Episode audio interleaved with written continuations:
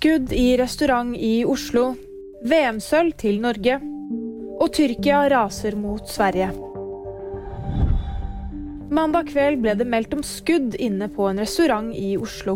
Det er en mann som har vært inne her, avfyrt et skudd. Det er en ansatt som har vært på jobb.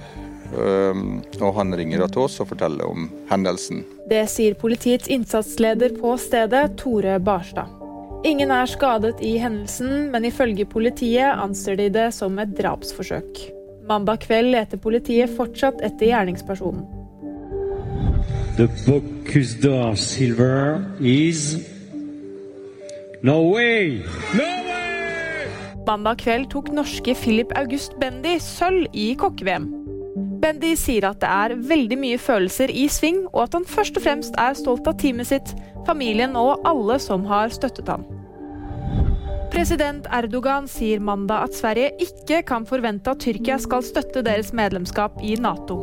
Dette sier han fordi høyreekstremisten Rasmus Paludan lørdag brant en koran utenfor Tyrkias ambassade i Stockholm.